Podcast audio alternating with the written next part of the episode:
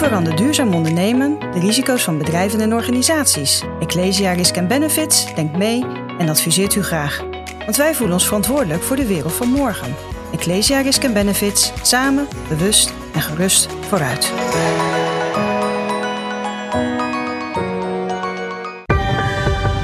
Ecosofie wordt mede mogelijk gemaakt door Renewy. Renewy. Minder nieuw, meer renew. Want afval bestaat niet. Hoe breng je economie, ecologie en filosofie in balans? Daarover gaat Ecosofie, de podcast waarin Marnix Kluiters in gesprek gaat met experts over het verduurzamen van de samenleving. De derde aflevering alweer vanaf de Groene Vloot. En ditmaal tegenover mij een deelnemer, Boris Pulskens. En uh, Boris, jij bent uh, eigenlijk al vier jaar bezig met jouw missie om de Erasmus Universiteit uh, te verduurzamen, of zo duurzaam mogelijk te maken zelfs. En um, ja, wat het leuk maakt om een deelnemer nu aan het woord te laten, en specifiek jou, is dat jij je hier presenteerde als ecofilosoof. En dat bracht al gelijk wat tractie op gang.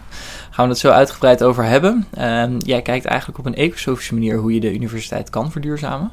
En ja, ik ben benieuwd wat je daar allemaal over te vertellen hebt. Maar allereerst, wat zou je veranderen als jij het een jaar voor het zeggen zou hebben in deze wereld?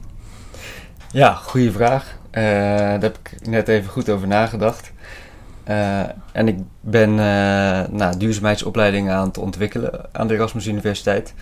en daar gooi ik eigenlijk alles in wat ik, wat ik belangrijk vind en wat ik mensen mee wil geven. Dus als ik het een jaar voor het zeggen zou hebben, zou ik iedereen een duurzaamheidsopleiding laten volgen. Ja, dat is natuurlijk heel belangrijk. Wilde je daar nog iets aan toevoegen? Ja, daar komen denk ik zo wel op uh, wat ik daar allemaal uh, in, die, uh, in die mix gooi. ja, hey, en nog even over jouzelf. Ehm, je had het net ook voordat we elkaar spraken over dit platform. Wat doe je precies op de universiteit? Want ik gaf het net in de notendop al even weer. Ja, dus ik ben inderdaad vier jaar geleden begonnen met een missie als student toen nog, masterstudent filosofie. Ja, want je hebt ook de bachelor filosofie gedaan, dus eigenlijk ben je gewoon filosoof, hè? Eigenlijk ben ik gewoon filosoof, inderdaad. En ik presenteer mezelf als uh, ecofilosoof of uh, ecosoof. Omdat uh, nou, Henk Oosterling, die was aan het woord in de eerste aflevering van deze podcast. Die is altijd mijn grote inspiratiebron geweest. door hem ben ik echt filosofie gaan, gaan studeren, omdat hij een waanzinnig college gaf. Maar hij laat ook zien hoe je filosofie toepast in de praktijk. En hij laat echt de toegevoegde waarde zien van, van filosofie. In, uh, in Rotterdam-Zuid uh, doet hij dat, nou, op Rotterdam-Zuid. Um, en uh, toen dacht ik, ja, dat, dat wil ik ook gaan doen. En dat heb ik, ik heb besloten om dat te, ook te gaan doen op de Erasmus Universiteit. En wat doe je dan precies op de universiteit? Dus ik heb besloten om de universiteit zo duurzaam mogelijk te maken. Dat had ik besloten in, in mijn jaar toen ik mijn master ging doen. Zat ik ook in de universiteitsraad. En ik dacht van ja, hoe ga ik deze dingen in godsnaam met elkaar combineren? Uh, dus toen besloot ik om alleen maar puur op duurzaamheid uh, te focussen. In mijn studie en, uh, en in de universiteitsraad. En op een ecosofische manier, dat is er echt onderdeel van, te reflecteren op wat ik in de praktijk aan het, aan het doen was. dus op die manier heb ik die krachten van theorie en praktijk gebundeld op het gebied van duurzaamheid.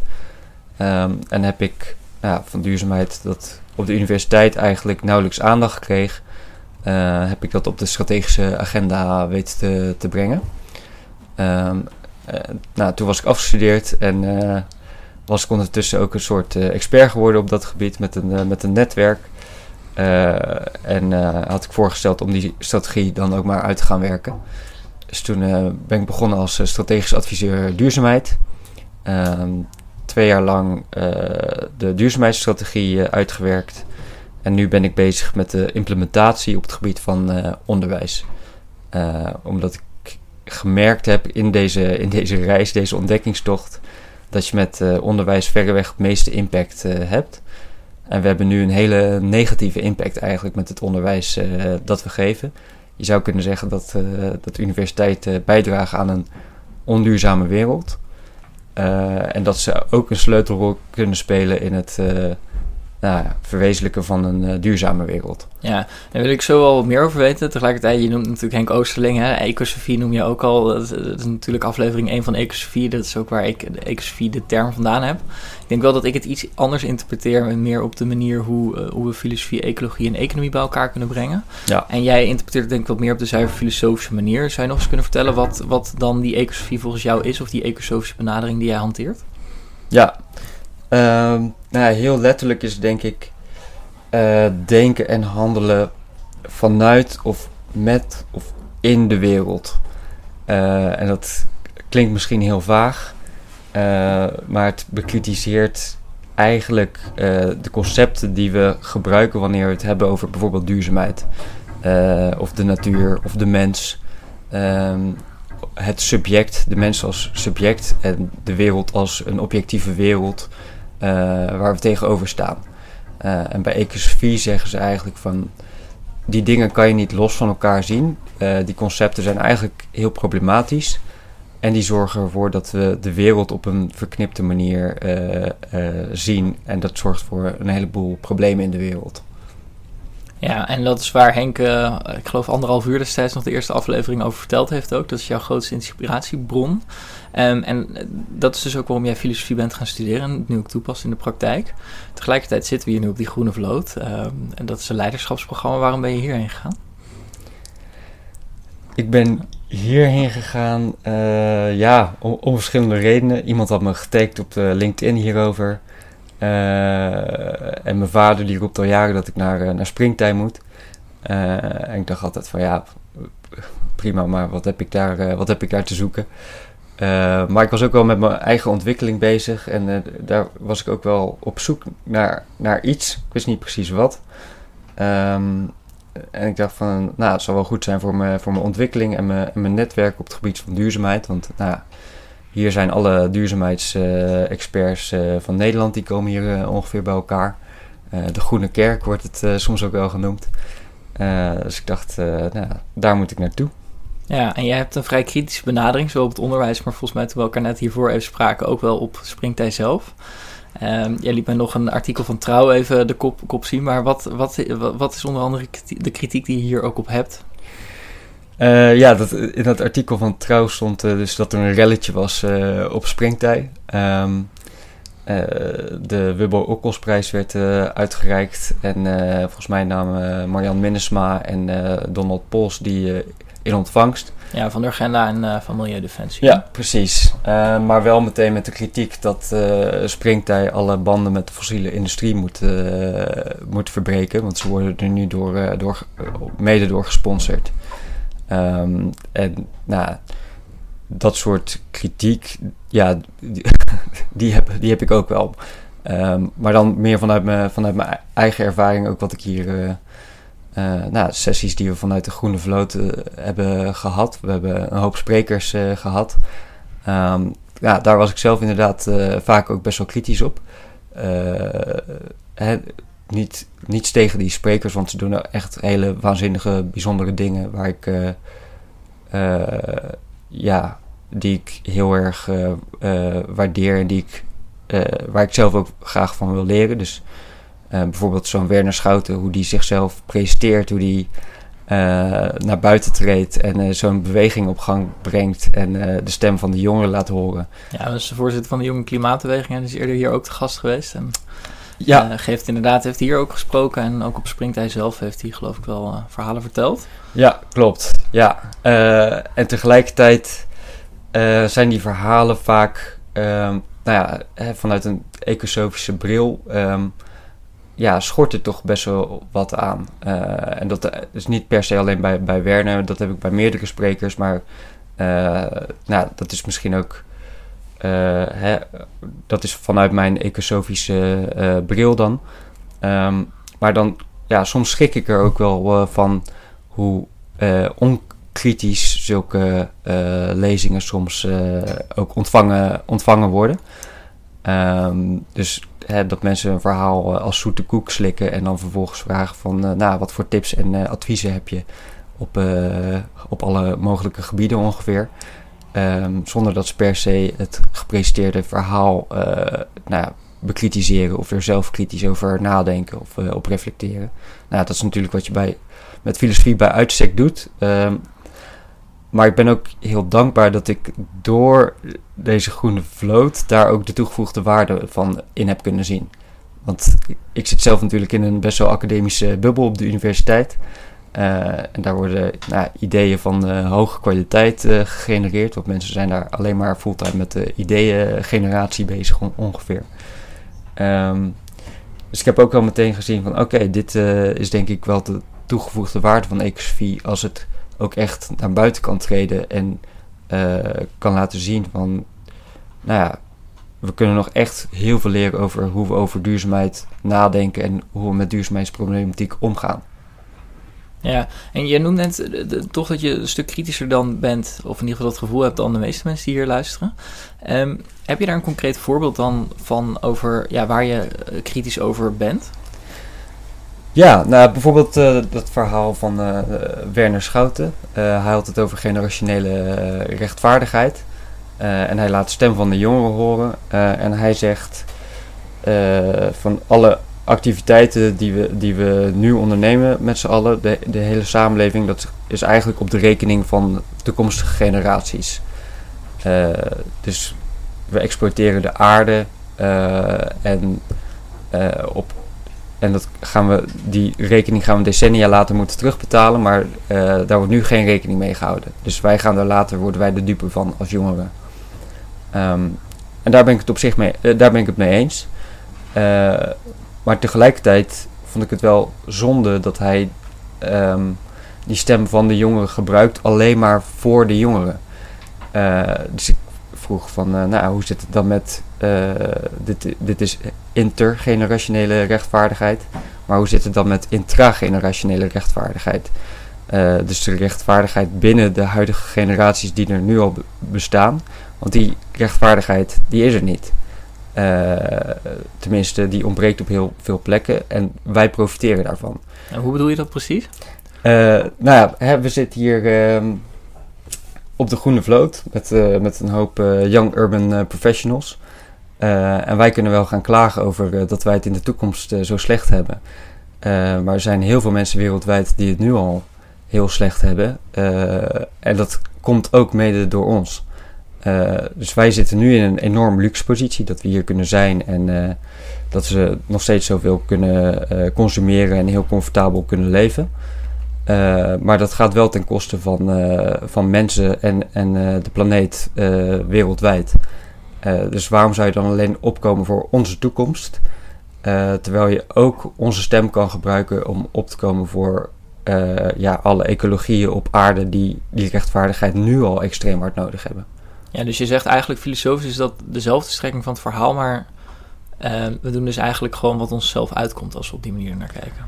Ja, precies. En dan stap je denk ik ook in dezelfde valkuilen als de mensen die je bekritiseert. Namelijk dat je eigenlijk alleen maar voor jezelf opkomt en je eigen uh, levensstijl. Uh, terwijl dat denk ik een enorm gemiste kans is. Ja, en hoe wordt er dan op gereageerd? Want dan breng je toch wel een totaal andere dynamiek denk ik in zo'n gesprek aan. Ja, nou, ik merk dat daar ja, soms, eh, soms wordt er gewoon niet op gereageerd eigenlijk. Uh, dus ja, ik had wel, ik had misschien ja, dan wel een soort fundamentele discussie verwacht. Maar eigenlijk werd de vraag een beetje eh, af, afgewimpeld en werd gezegd van ja, maar we doen ook veel dingen met organisaties in het buitenland. Um, en dat, ja, dus van dat soort dingen schrok ik wel een beetje. En ik heb het nu alleen het is niet mijn doel om uh, Werner Schouten aan te vallen, echt helemaal niet. Uh, want ik bewonder hem ten zeerste. Uh, ja, die maar, doet genoeg goed werk in ieder geval. Ja, sowieso. en daar kan ik echt nog wel een puntje aan zuigen. Um, maar dit gebeurde ook met andere sprekers. dus bijvoorbeeld gisteren werd de CEO van Tata Steel... die werd warm onthaald als een, als een held... die eindelijk zijn duurzaamheidsdraai had gemaakt... en nou ja, ging het hele gesprek over uh, hoe, ja, hoe hij uh, tot, uh, tot inkeer is gekomen. Um, terwijl hij gewoon, nou, Tata Steel heeft decennia lang gewoon onwijs veel uitgestoten. Ze hebben echt tot het allerlaatste moment gewacht Uh, totdat het echt niet anders kon. Ze hadden druk van binnenuit. De halve organisatie had zich verenigd om het bedrijf radicaal te verduurzamen. De Raad van Commissarissen had erop aangedrongen. De aandeelhouders begonnen erover. Milieuorganisaties, activisten. zijn eigen zus. En dus jij zegt eigenlijk ja één keer. Je, kon, je kon helemaal niet anders. Ja, precies. En we hebben het niet gehad over dat hij het al die jaren... eh, Weet je, ze wisten het wel en ze hebben besloten om dat niet te doen. En ja, ze hadden daar vast hun eigen redenen voor. Eh, maar ja, daar, ik, hoor, ik hoor daar geen kritisch geluid over. Dus dat, dat we zo iemand eh, zo'n warm onthaal geven hier op, eh, op springtijd... terwijl dit het duurzaamheidsevenement is eh, van Nederland... Ja, dat vind ik zeer problematisch. Ja, en als we dan, want de oplossing die je net aankaart, hè, ook aan het begin met uh, een beetje de prikkelende vraag over wat je zou veranderen aan de wereld, dat is dus onderwijs. En dan zeg jij nu eigenlijk, en dat baart mij dan toch wel zorgen, dat het onderwijs bijdraagt aan een slechtere wereld, als ik het vrij eh, interpreteer. Ik weet niet of dat, of dat helemaal goed is, maar je zei in ieder geval dat het negatief bijdraagt. Um, welke omslag ben je dan aan het maken en uh, wat gaat er nu mis eigenlijk? Laten we daarmee beginnen. Ja, uh, en ik heb het dan over de Erasmus Universiteit. Maar ja, dat gebeurt op heel veel universiteiten wereldwijd. Um, maar ja, het grootste probleem wat ik eigenlijk ben tegengekomen in mijn missie om de universiteit zo duurzaam mogelijk te maken. eerst begon ik bij het vervangen van de TL-verlichting door, door LED-verlichting bijvoorbeeld. Maar na een tijdje kwam ik erachter van ja, de grootste impact die die universiteit maakt, is wat voor onderwijs het studenten meegeeft. Ja, dat is natuurlijk ook de kern waar een universiteit om draait. Hè? Ja, precies. Ja, onderwijs en onderzoek. Uh, en dat, nou, dat voedt elkaar natuurlijk. Maar verreweg de meeste studenten die afstuderen van de Erasmus Universiteit, die uh, krijgen nooit iets met duurzaamheid te maken in een studie. Nog steeds. en nou, dat, dat alleen al is te bizar voor woorden natuurlijk. Um, en je moet bedenken dat er duizenden studenten zijn uh, die jaarlijks afstuderen op het gebied van economie, bedrijfskunde, rechten. Die worden de leiders van de toekomst. Uh, en die produceren we nog steeds, om het maar zo te zeggen. Um, en die leren dus niet hoe ze over duurzaamheid moeten nadenken of kunnen nadenken. Ze krijgen geen handvaten aangereikt om daarmee aan de slag te gaan. Um, en ze leren eigenlijk nog steeds, uh, bijvoorbeeld bij bedrijfskunde, om uh, nou, zoveel mogelijk winst te maken met je bedrijf. Um, zonder rekening te houden met uh, de grenzen van, van, van de aarde, of zonder per se rekening te houden met, met mensenrechten. dat komt er wel enigszins in terug, maar de kern van die studies is nog steeds hetzelfde. Bij economie gaat het nog steeds over oneindige economische groei en de mensen als rationeel, egocentrisch wezen die alleen maar op aarde is om zijn eigen behoeftes, uh, zijn eigen behoeftes te voorzien. En er wordt gedaan alsof dat objectief en neutraal is, maar dat is niet zo. Uh, je kiest hiermee gewoon voor de huidige bestaande dominante structuren en regimes. En die worden alleen maar versterkt. Um, en dat is problematisch, want het zijn nu nog steeds de leiders van de toekomst die zo opgeleid worden. Dat, uh, ja, daar, daar zit ik heel erg mee. Dat, dat, uh, dat raakt me. Dus ik heb het, mijn missie heb ik bijgesteld naar het integreren van duurzaamheid in alle opleidingen die we aanbieden aan de Erasmus Universiteit. Um, maar dan wel op een ja, integrale, holistische manier. Dat het echt de kern van de disciplines raakt. Dus alle disciplines moeten eigenlijk radicaal heroverwogen worden. Ja, en dan dus niet met een vakje ethiek hier en daar erbij, of een keuzevakje uh, duurzaam leiderschap of weet ik veel, maar dan dus echt dat het de kern van de programma's verandert. Ja, inderdaad. En uh, wij hebben het hiervoor even gehad. Ik zei, uh, en dan, dan praat je dus, want jij praat, uh, werkt samen met Dirk Loorbach, die hoogleraar transitiekunde is, zeg ik dat goed? Ja, klopt. Um, en die ook heel breed kijkt. Jan Robmans is er ook mee bezig. Maar wat ze altijd zeggen is interdisciplinair. Dus ik zeg, ja, je bent interdisciplinair bezig. En dan zeg jij vervolgens, nee, transdisciplinair. En dat is dan weer een andere dynamiek. Maar ja, hoe, moet ik, hoe moeten we dat zien? Ja, uh, nou, de transdisciplinair heb ik uh, ook van uh, Dirk Loorbach trouwens. Dus credits naar hem. Hij gaat binnenkort ook hier achter de microfoon als we weer terug zijn. Ja, ehm, maar eh, ja, inderdaad. Dus eh, je kan de, de universiteit kan je nog steeds zien als een soort eh, ja, arm ecosysteem. In de zin dat, het, eh, dat er ook alleen maar monoculturen daar bestaan, eh, maar dan in de vorm van eh, monodisciplines. Ehm, die eigenlijk helemaal losgezongen zijn van, van de wereld en dan alleen maar kijken naar modellen gebaseerd op achterhaalde theorieën of theorie gebaseerd op achterhaalde premissen. Ehm, en als je vanuit die disciplines naar duurzaamheidsvraagstukken gaat kijken, dan kan je die eigenlijk niet begrijpen. En dan, kan je, en dan ga je er eigenlijk op een, automatisch op een verkeerde manier eh, mee om. En daarom is het sowieso belangrijk om op een interdisciplinaire manier naar vraagstukken te kijken. Dus dat je met verschillende disciplines eh, naar complexe duurzaamheidsvraagstukken gaat kijken om die eh, vraagstukken op een betere en integrale manier te begrijpen. Maar dat gaat eigenlijk nog steeds niet ver genoeg, want je hebt eh, de kennis eh, uit de lokale context eh, nodig. Kennis van mensen die in de praktijk met die vraagstukken bezig zijn. Omdat dat een andere soort kennis is waar je eigenlijk in je bubbel op de universiteit niet aan kan komen. Maar die wel hele wezenlijke kennis is die echt bij kan dragen aan de oplossingen van duurzaamheidsvraagstukken. Ja, maar dat is de, de kennis uit de praktijk gewoon, hè, waar Henk Oosterling ook zo mee bezig is in Rotterdam. Ja, klopt. Kennis uit de praktijk, maar ook uit de lokale context, eh, lokale culturen, achtergronden van mensen, eh, geschiedenissen van, eh, van, van plekken. Dat, dat is eigenlijk allemaal heel belangrijk om mee te nemen als je duurzaamheidsvraagstukken gaat oplossen. Want vanuit, vanuit ecosofie eh, zijn er eigenlijk geen universele eh, antwoorden op duurzaamheidsvraagstukken, omdat elke context eh, lokaal gevormd is, zijn eigen ecologie heeft ehm, op meerdere vlakken. Misschien dat Henk het ook heeft gehad over sociale, mentale en natuurlijke ecologie. Zeker. Ja, precies. Nou, dat gaat allemaal dwars door elkaar heen, maar dat is dus ook overal anders. Eh, en dat houdt in dat je ook overal eh, samen met die ecologie moet gaan nadenken over eh, hoe je die lokale ecologie weer kan laten floreren. Ja, en wat gaat er dan concreet veranderen op een gegeven moment? Hè? Want ja, ik, ik heb zelf ook nog een jaar economie gestuurd, helaas niet gehaald. Dat was 2012 uit mijn hoofd toen ik daar begon aan de Erasmus Universiteit. Jij bent dat nu om aan het gooien. Wat is jouw ideaalbeeld dan als je nu bijvoorbeeld economie of bedrijfskunde gaat studeren? En wat, wat krijg je dan anders mee dan wat je nu op die studies meekrijgt?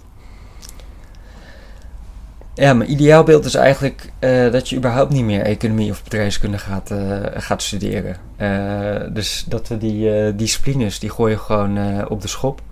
Ehm, en in plaats daarvan gaan we gewoon kijken naar complexe duurzaamheidsvraagstukken. En nou, duurzaamheid in de allerbreedste zin van het woord. Dus het kan ook gaan over eh, welzijn van mensen. Het kan gaan over eh, diversiteit. ehm, Ja, dan zou je bijvoorbeeld eh, de donut van Kate Rayworth als uitgangspunt kunnen nemen. Met de buitenste en de binnenste rand. Ja, precies. Hè, om maar een voorbeeld te noemen. En zo zijn er vele natuurlijk van dat soort ideeën om, om de sociale en de ecologische component mee te nemen. Ja, precies. En eh, ja, mijn ideale vorm van onderwijs, en dat is ook wat ik nu aan het ontwikkelen ben, is dat je eigenlijk ehm, nou ja, een beetje losgaat van het idee van die, van die disciplines. Je laat wel zien wat voor toegevoegde waarde eh, al die perspectieven hebben, maar je laat ook zien wat de grenzen ervan zijn, eh, wat de beperkingen ervan zijn. Ehm, en je probeert samen met elkaar gebruik te maken van alle perspectieven en achtergronden en soorten kennis eh, die iedereen heeft. Dus ook als student ga je in groepjes aan de slag. Je gaat aan de slag met mensen die werken in de praktijk. Eh, en elke student heeft ook ja, dus een andere achtergrond die iets wezenlijks toe kan voegen en wat ze van elkaar kunnen leren. Eh, nou, daar ontstaat een soort dynamiek al die studenten die gaan op een bepaalde manier transformeren. Ze worden geraakt door die duurzaamheidsvraagstukken. Omdat dat allerlei ethische en existentiële vragen opwerpt. Nou, waar mensen ook gewoon depressief van kunnen raken. En dan gebeurt er dus ook iets in de kern van je zijn eigenlijk. Uh, dat kan je transformeren. Je kan er depressief van raken. Maar wat we proberen te doen is de mensen toch uh, op bepaalde manieren hoop te geven en hiermee om te leren gaan op een, uh, ja, op een goede manier. ja, dat je mensen verder haalt, hè? want het is af en toe wel een deprimerende bedoeling natuurlijk, wat, uh, de, de, de, problemen die geschetst worden voor sommige mensen. Het is ontzettend deprimerend. en nou, er bestaat ook zoiets als ecologische rouw. nou, we geven ook ecologische rouwworkshops. zodat studenten begrijpen wat er ook gewoon psychologisch door ze, door ze heen gaat. Maar je moet uiteindelijk wel naar een acceptatiefase komen. Uh, dus hè, ondanks dat de wereld naar de kloten gaat, um, moeten we toch een manier zien te vinden met z'n allen om hier op een bepaalde manier mee om zien te gaan. Uh, en dat is denk ik heel belangrijk om te beseffen. Uh, omdat ik ook hier merk dat nou, als er zo'n existentiële dreiging is, dat mensen toch vaak de neiging hebben om hele rare, gevaarlijke dingen te gaan doen. Uh, dus mensen hebben het al gehad over. Uh, nou ja, dat het toch eigenlijk een soort leidensweg moet zijn en dat we opofferingen moeten gaan maken. Uh, maar ja, dat betekent eigenlijk ook dat je gewoon op dezelfde voet door kan gaan met een enorme angst en met het hele, je hele leven lang het gevoel te hebben dat je schuldig bent aan iets.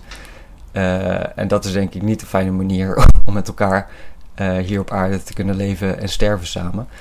Uh, dus ik probeer inderdaad wel, en, ja, samen met anderen, om daar toch een hoopvol perspectief voor te bieden. En die mensen toch in een kracht te kunnen zetten, samen met elkaar, om van de wereld gewoon een betere plek te kunnen maken.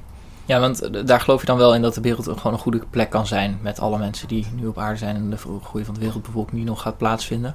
Uh, jij gelooft wel gewoon dat dit kan en dat we hier op een duurzame manier met elkaar samen kunnen leven. Ja, ik denk het wel. Ik denk, ik denk dat we ook gewoon op heel veel plekken op de wereld gewoon nog steeds wel heel fijn uh, met elkaar leven. Uh, en dat we ook wel een beetje af moeten van alle grote apocalyptische verhalen, omdat dat ja, zoveel uh, angst uh, inboezemt en depressies veroorzaakt. En uh, ook ja, eigenlijk het denken belemmert. het denken dwars zit. en ja, ik denk dat dat iets is waar we wel aan moeten werken. Ja, en een van die dingen waar je dan aan kan werken is, is dus op die andere manier van onderwijs. Want het is toch wel een vrij radicaal andere manier om gewoon alle vakgebieden eigenlijk af te schaffen en het terug te laten komen in één vorm van denken. Dan kom je naar de universiteit. Hoe moet ik me dat voorstellen? Ga je dan uh, bijvoorbeeld je bezighouden met een bepaald vraagstuk gewoon? Laat zeggen herstel biodiversiteit of uh, kijken hoe we de sociale ongelijkheid kunnen terugdringen? Uh, of, of, kom je gewoon op de universiteit aan en ga je dan onderzoeken wat jij leuk vindt en interessant om mee bezig te houden? En ja, heb je daar wat concreets bij? Want dat is nog wel iets waar ik dan over nadenk van ja, hoe zit dat? Ja, stu studenten gaan inderdaad uh, met vraagstukken in de praktijk aan de slag. En we laten, zelf, we laten ze zelf kiezen welk vraagstuk dat is. En wij experimenteren zelf ook nog met ja, hoe ver je daarin kan gaan en welke vormen dat aan kan nemen en wat daar de voor- en nadelen van zijn. En ik wil dat ook graag verder gaan onderzoeken de, de komende jaren. Maar ja, nou, wat we nu doen is dat we studenten gewoon zelf. We geven ze thema's mee, dat doen we nu. Dus bijvoorbeeld um, voedsel of duurzame consumptie of afval. Um, en dan hebben we daar ook stakeholders bij. Uh, dus bijvoorbeeld mensen uit het... Uh, uit ja, dus je gaat gelijk die praktijk ook al in? Ja, precies. Dus die stakeholders, die, nou, we kiezen een paar stakeholders uh, die we er relevant voor achten. Um, maar wat we vervolgens die studenten laten doen, is dat ze op basis van dat thema en alle colleges die ze krijgen, gaan ze zelf het probleem definiëren. Dus binnen dat hele brede thema van afval uh, laten we zelf een hele nou, systeemanalyse maken van, van het afvalprobleem. eh, van het afvalsysteem. eh, en een transitieanalyse van op wat voor manier eh, kan het nou verduurzaamd worden. En dan vervolgens eh, nou, moeten ze dus eh, het probleem echt gaan definiëren. Eh, dan de stakeholders uitzoeken die daar eh, wat over eh, te zeggen hebben en die ze waardevolle informatie kunnen bieden. Ehm, en uiteindelijk moeten ze een interventie ontwerpen waarmee ze dat probleem dan eh, kunnen aanvliegen. Eh, niet per se kunnen oplossen, want we willen een beetje vermijden dat eh, de studenten gaan denken dat er voor alles een, eh, een oplossing is, omdat die oplossingen vaak eh, meer problemen veroorzaken dan dat ze per se echt, eh, echt oplossen. Ehm, eh, en dat willen ze meegeven. En vervolgens willen we dus die interventie ook echt laten uitvoeren. En dat ze daar dan weer op reflecteren. Op wat ze nou in de praktijk aan het doen zijn. En nou, wat voor een effect dat heeft op zo'n transitie. Wat dat met hunzelf doet. Ehm, ja. Ja, en je bent hier dus wel mee bezig, want ehm, voorlopig bestaan kun je nog gewoon economie en bedrijfskunde studeren aan de Erasmus Universiteit. Maar in wat voor vorm komt dit dan terug? Is dit een minor of zo wat je, waar jullie dit in georganiseerd hebben? We hebben een minor ontwikkeld inderdaad. Die heet eh, Science and Practice for Transformative Change. Een hele mond vol. Ehm, en daar zijn we nu in het experimenteren inderdaad. We zijn ook een master aan het ontwikkelen. We zijn dit jaar gestart met een eh, pilot. Een eh, master specialisatie Sustainable, Sustainability Transitions binnen de filosofie master. Eh, dus die kan je nu al volgen. Ehm, daar zijn we ook mee aan het experimenteren. En we zijn dus een volledig zelfstandige masteropleiding aan het eh, opzetten, waarin we dit, eh, nou, al deze ideeën verwezenlijken eigenlijk. Dus studenten van alle disciplines kunnen die master volgen.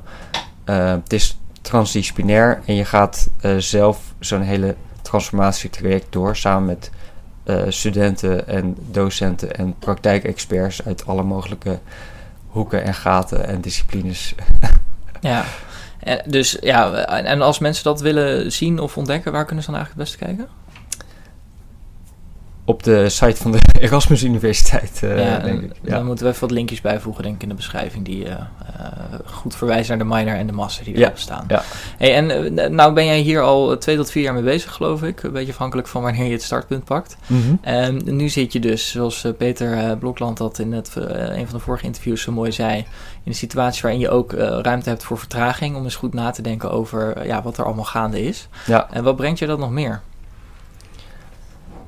Ja, het heeft mij echt nu al heel veel gebracht. Ehm, en dat begon eigenlijk al op een moment eh, toen we onszelf moesten presenteren.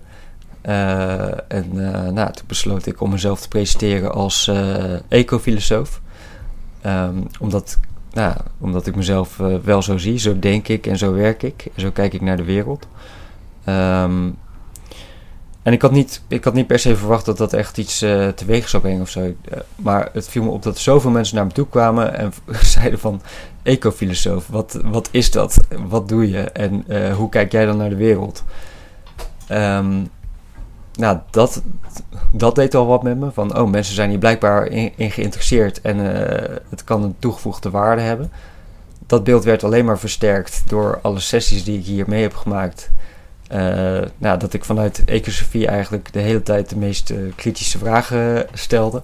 Eh, en ook wel een beetje, ja, nou, een beetje schrok van, van wat hier gebeurde.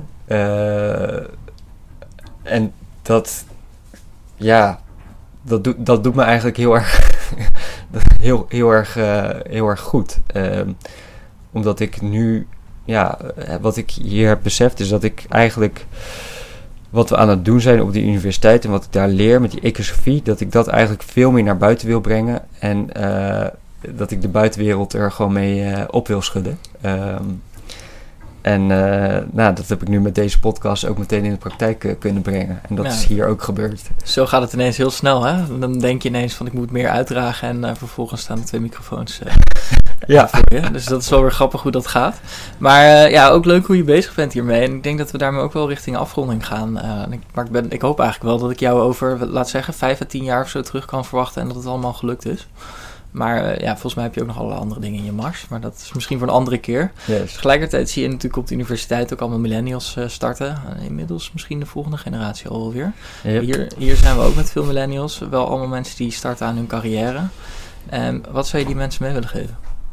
Ja, ik zou die millennials mee willen geven uh, dat zij de hoop zijn voor de toekomst van de aarde. Um, en die aarde die kunnen we uh, met elkaar kunnen die vormgeven. Dus dat is de plek waarop we samen leven en doodgaan.